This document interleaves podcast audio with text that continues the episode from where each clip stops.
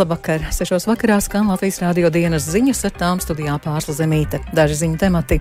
Latvijas tiesu sistēma nenodrošina taisnīgumu. Desmit gadus kopš Zolotūdas traģēdijas secina cietušo biedrība.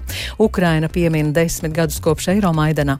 Vecie meži ir Latvijas dabas bagātība, nevis Skandināvijas apkure. Protestē pret valsts plānu izcirst vecos mežus.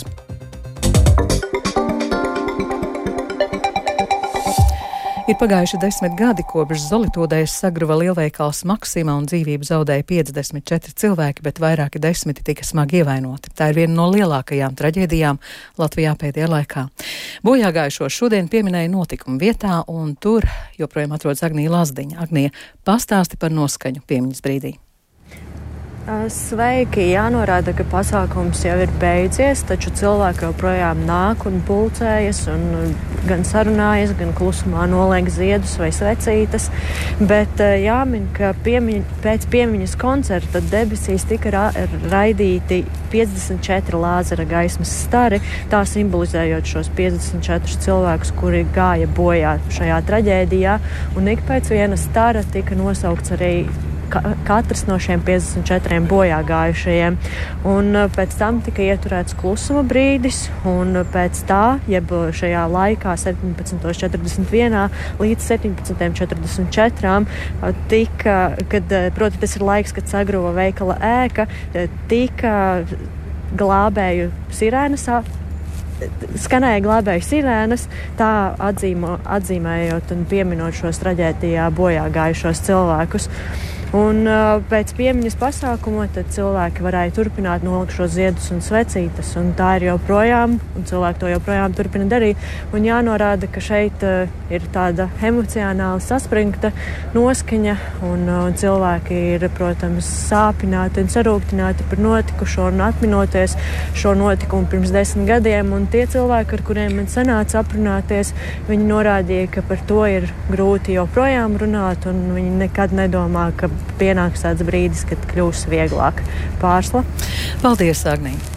Latvijas tiesu sistēma nenodrošina taisnīgumu. Tā desmit gadus pēc traģēdijas secina cietušo biedrība Zolitūda 2111, kas nosauc ne tikai desmit gadu laikā izpildītos trīs pamatuzdevumus, bet vērtē arī tiesvedības procesu, kur vēl nav notiesājošs spriedums. Un plašāk eh, Agnijas Lazdiņas ierakstā. Līdz pat šodienai tā sauktajā Zolītūdas traģēdijas krimināllietā nav nonākts līdz notiesājošam spriedumam. Šodien ir desmit gadi Latvijas valsts pārvaldes absolūtās bezatbildības desmitā gada diena. Tie ir lieli svētki ierēģiem, politiķiem un it kā atbildīgām amatpersonām. Tā izsakās bijušais politiķis Imants Burvis, kurš Zolitūdas traģēdijā zaudēja dēlu. Pirmās instances tiesā krimināllietā par vainīgu atzīts tikai būvinženieris Ivars Sergets, kuram bez sešu gadu cietumsoda piespriests liegums piecus gadus strādāt savā profesijā un arī nolemts no viņa piedzīt 5,5 miljonus eiro morālā kaitējuma kompensāciju. Savukārt visus pārējos apsūdzētos tiesa attaisnoja. Arī otrajā instancē Rīgas apgabaltiesa par vainīgu atzina tikai būvinženieri Sergetu. Rīgas apgabaltiesas spriedumu ir pārsūdzējis prokurors, apsūdzētais un 30 cietušie. Šobrīd Zolitūdas traģēdijas krimināllieta ir tikus līdz trešajai tiesu instancei, augstākajai tiesai, bet joprojām nav zināms, kad augstākā tiesa instance šo lietu izskatīs. Turpina Imants Burvis. Sergats, protams, ir vainīgs, bet ja tā būtu bijusi vienīgā vaina, šī katastrofa šī nelaime, šī slepkavība nenotiktu. Tā māja būtu čīkstējusi, drupinājusi, ātrāk izgājusi no ierindas, viņa nebūtu sabrukusi. Arī biedrības Zolitūda 2111 valdes pilnvarotā pārstāve un saskaņas politiķa Regīna Ločmala uzsver, ka lietas izskatīšana skaidri parādot, ka Latvijas tiesu sistēmā ir problēmas. Tiesa tiekot spriesta saskaņā ar likuma burtu, nevis pēc taisnīguma principiem. Varu teikt droši, ka cietušie un sabiedrība kopumā nekad nepieņems spriedumu, kurā par vienīgu vainīgu tiek atzīts viens vienīgais cilvēks. Cietušie izskatīšot iespēju vērsties pret valsti civiltiesiskā kārtā un iespējams arī Eiropas cilvēktiesību tiesā. Agnija Lazdiņa, Latvijas radio.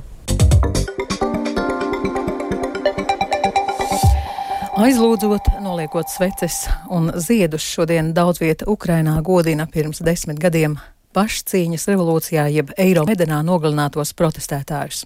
Ukrainā tā nodēvēta par brīvības dienu, kas ieviesta par godu divām Ukraiņu revolūcijām. Tā dēvētajai oranžajai revolūcijai, kad 2004. gadā cilvēki izgāja ielās protestējot pret vēlēšanu rezultātu viltošanu, un tā dēvēto pašcīņas revolūciju, kas aizsākās tieši pirms desmit gadiem, 2013. gada 21. novembrī. Toreiz no snaipera lodēm un citādi gāja bojā arī 107 protestētāji, bet aptuveni 2000 tika ievainoti. Tā kā notiek karš un liela cilvēku pulcēšanās nav iespējama drošības apsvērumu dēļ, Ukrainas prezidents Valdimirs Zelenskis ļaudis uzrunāja telemaratonā. 20 років тому це була романтична мрія. 10 років тому ambitna meta. Pirms 20 gadiem tas bija romantisks sapnis, pirms 10 gadiem ambiciozs mērķis. Šodien tā ir realitāte, kurā vairs nav iespējams apturēt mūsu virzību uz priekšu, pārvarot visus nepieciešamos posmus. Mūsu kā kandidātu valsts statusam un turpmākajām iestāšanās sarunām katrā ziņā ir jānoslēdzas ar pilntiesīgu Ukraiņas dalību Eiropas Savienībā.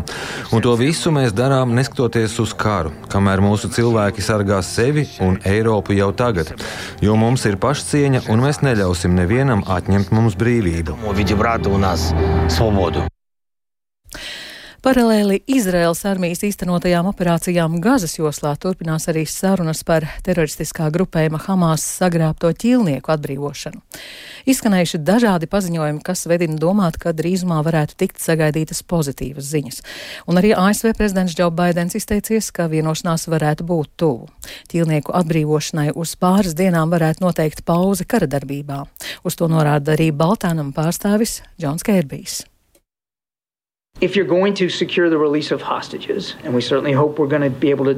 Ja gatavojaties nodrošināt ķīlnieku atbrīvošanu, un mēs noteikti ceram, ka mēs to varēsim izdarīt drīz, ir jāpārliecinās, ka viņi var nokļūt drošībā un paveikt to pēc iespējas drošāk. Tas nozīmē, ka būtu vismaz īslaicīgi lokāli jāaptur kaujas, lai viņi varētu pārvietoties. Tikmēr attiecībās starp ķīlnieku ģimenēm un Izraels politiķiem turpina pieaugt saspīlējums. Nolaupīto radinieki ir neapmierināti ar politiķu centieniem risināt ķīlnieku situāciju. Ungārijas valdība ir uzsākusi kārtējo pret Eiropas Savienību vērsto kampaņu. Visā valstī šodien ir parādījušies plakāti, kuros kritizē Eiropas Savienības līderus, bet Ungārijas pilsoņi tiek aicināti piedalīties aptaujā, kuras mērķis ir noskaidrot viņu viedokli virknē jautājumu, tostarp par migrantu uzņemšanu un turpmāko palīdzību Ukrainai. Turpina Uldis Česberis. Ungārijas valdība ir publicējusi aptauju ar nosaukumu Nacionālā konsultācija par mūsu suverenitātes aizsardzību. Tajā ir iekļauti 11 jautājumi, kas ir formulēti tā, lai pretnostatītu Eiropas Savienību un Ungāriju. Piemēram, vienā no jautājumiem ir izteikts apgalvojums, ka Eiropas Savienība vēlas izveidot migrantu geto Ungārijā. Juridiski nesaistošā aptauja noslēgsies 10. janvārī. Lai mudinātu pilsoņus tajā piedalīties, valdība visā valstī ir uzstādījusi plakātus ar kritiskiem vēstījumiem par Eiropas Savienību. Vien Vienā no tiem ir redzama Eiropas komisijas prezidente Urzula Fonderleina un filantropa Džordža Sorosa dēls Aleks un uzraksts Nedejosim pēc viņu stabules. Un Latvijā vecie meži ir Latvijas dabas bagātība, nevis Skandināvijas apkure. Ar šādu un līdzīgiem plakātiem šodien pie ministru kabineta notika kluss protests pret valsts plānu izcirst vecos mežus. Izskanējis, ka veco koku vietā stādot jaunus Latvijā plānots izpildīt Eiropas klimata mērķus. Šodien akcijā piedalījās vairāki desmiti cilvēku. Daudziem no viņiem bija aizlīmētas mutes. Vairāk dalībnieki nogulās zemē, tēlojot nocirstos kokus. Iebilst par šo KEM iniciatīvu galvenokārt, jo es uzskatu, ka tās pamatā nav īsti normāla zinātne. Ir jāatrod alternatīvas metodas, un Latvijas noteikti meži jāaizsargā dabas daudzveidības dēļ klimata mērķu sasniegšanai tomēr jāizvēlas kādas citas metodas. Problēma ir tajā, ka mēs šobrīd nerīkojamies ilgspējīgi, ka mēs izcērtam mežus un uzskatām mežus bieži vien liekas, par tādiem tā parkiem. Jā, un, un man liekas, šo izpratni ir jāveido. Es ļoti gribētu, ka šie meži, ko mēs baudām, būtu pieejami arī ne tikai man, bet arī nākamajām paudzēm. Man ir sajūta, ka šajā jautājumā mums īsti nav ne zemkopības ministrijas, ne arī klimata un enerģētikas ministrijas Tur var drīzāk gadiem just noteiktu biznesa interesu pārstāvniecību.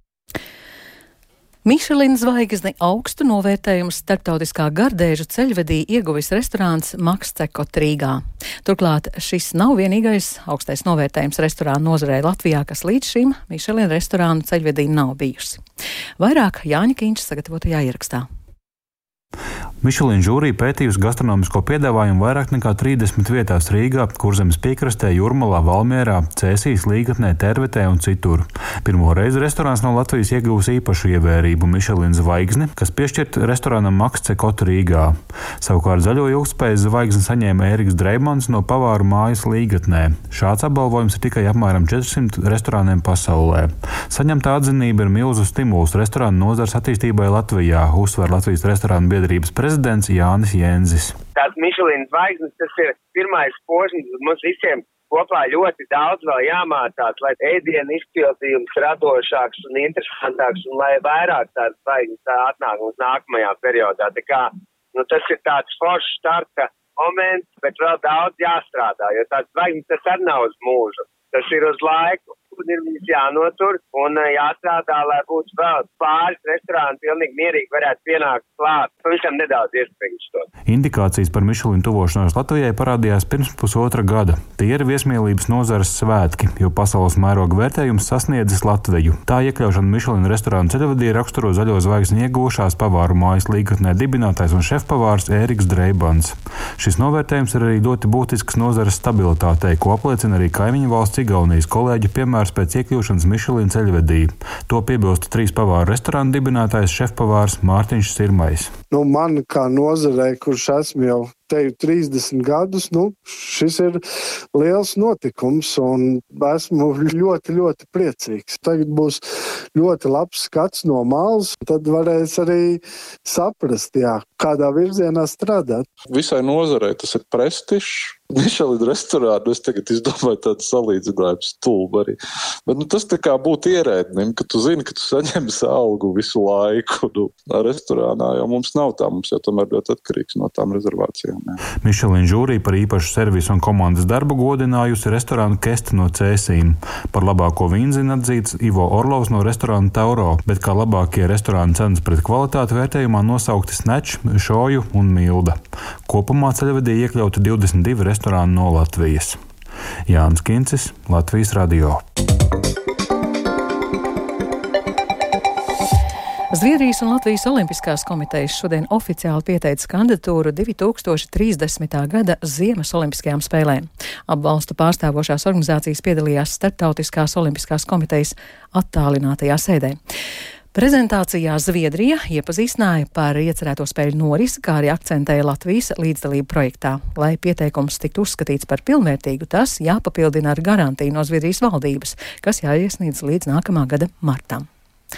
Latvijas vīriešu futbola izlase šovakar Varšavā aizvadīs pārbaudes spēli ar Polijas valsts vienību. Sestdien Latvija savā laukumā Eiropas čempionāta kvalifikācijas pēdējā mačā ar 0-2 zaudēja Horvātijai. Tāpat kā Latvija arī Polija nekvalificējās fināla turnīram. E grupā tā ieņēma trešo vietu aiz Albānijas un Čehijas. Latvija ar Poliju pēc neatkarības atgūšanas ir tikušās sešas reizes, tikai vienreiz panākums ticis Latvijai. Vairāk par izredzējumu šīs dienas spēlē stāsta futbola apskatnieks Edmunds Novickis pret poļiem mēs nedrīkstam iekrist ar seju dubļos un, un, un izgāzties. Tādējādi tur būs tāds zināms līdzsvars. Tai pašā laikā nu, treneris vārdos deva apliecinājumu, ka dos iespējas arī citiem futbolistiem. Nu, es nezinu, kas viņa izpratnē ir līdzsvars, bet es uzskatu, ka 4-5 spēlētājus pamatsastāvā var nomainīt, kas jau būtu diezgan nu, lielas izmaiņas, būtiskas izmaiņas un iespējas došana citiem tuvākiem rezervistiem. Spēle kā tāda, es uzskatu, ir ļoti svarīga, jo gads ir bijis neveiksmīgs. Jāpieliek labs punkts šim gadam, vismaz pašā beigās jāparāda tas raksturs un skaidrs, ka arī poļiem ir ļoti slikts gads, un viņi ir tur liels mediju spiediens, un poļiem ir jauns treneris, un tur nebūs nekādas pastaigas. Un ar to izskan Latvijas radio dienas ziņas. Producents Edgars Kopčs ierakstus montēja Renāša Steimans par labskaņu rūpējās Mārtiņš Paeglis, ar jums runāja Pārsla Zemīte. Yeah. Latvijas vidus geoloģijas un meteoroloģijas centrs informē Rīgā pat labāk mīnus 2 grādi, dienvidrietumu vējš 2 m2, gaisa spiediens 770 mm, gaisa relatīvais mitrums 74%. Kāds laiks gaidāms turpmāk, prognozēs sinoptiķe Ilza Golubeva. Trešdien debesis daļai aizklās mākoņu un tikai vietām tie atnesīs nelielu sniegu. Naktī visā valstī gaidāms sals un austrumos gaisa sadedzīs pat līdz mīnus 11 grādiem, bet dienā temperatūra būs līdzīga kā līdz šim. Ja trešdiena aizritēs ar mierīgiem laikapstākļiem, tad ceturtdien tie kļūs krietni dinamiskāki. Naktī sniks un putinās vietām arī līs, tāpat pastiprināsies arī vējš. Piekrastē vēja brāzmas sasniegs pat 29 metrus sekundē. Dienā laiks būs būs lietains un vējains, bet arī silts. Maksimālā gaisa temperatūra ceturtdien sasniegs plus 1, plus 9 grādus, bet siltums nebūs uz ilgu, jo jau nedēļas izskaņā atkal pastiprināsies sals.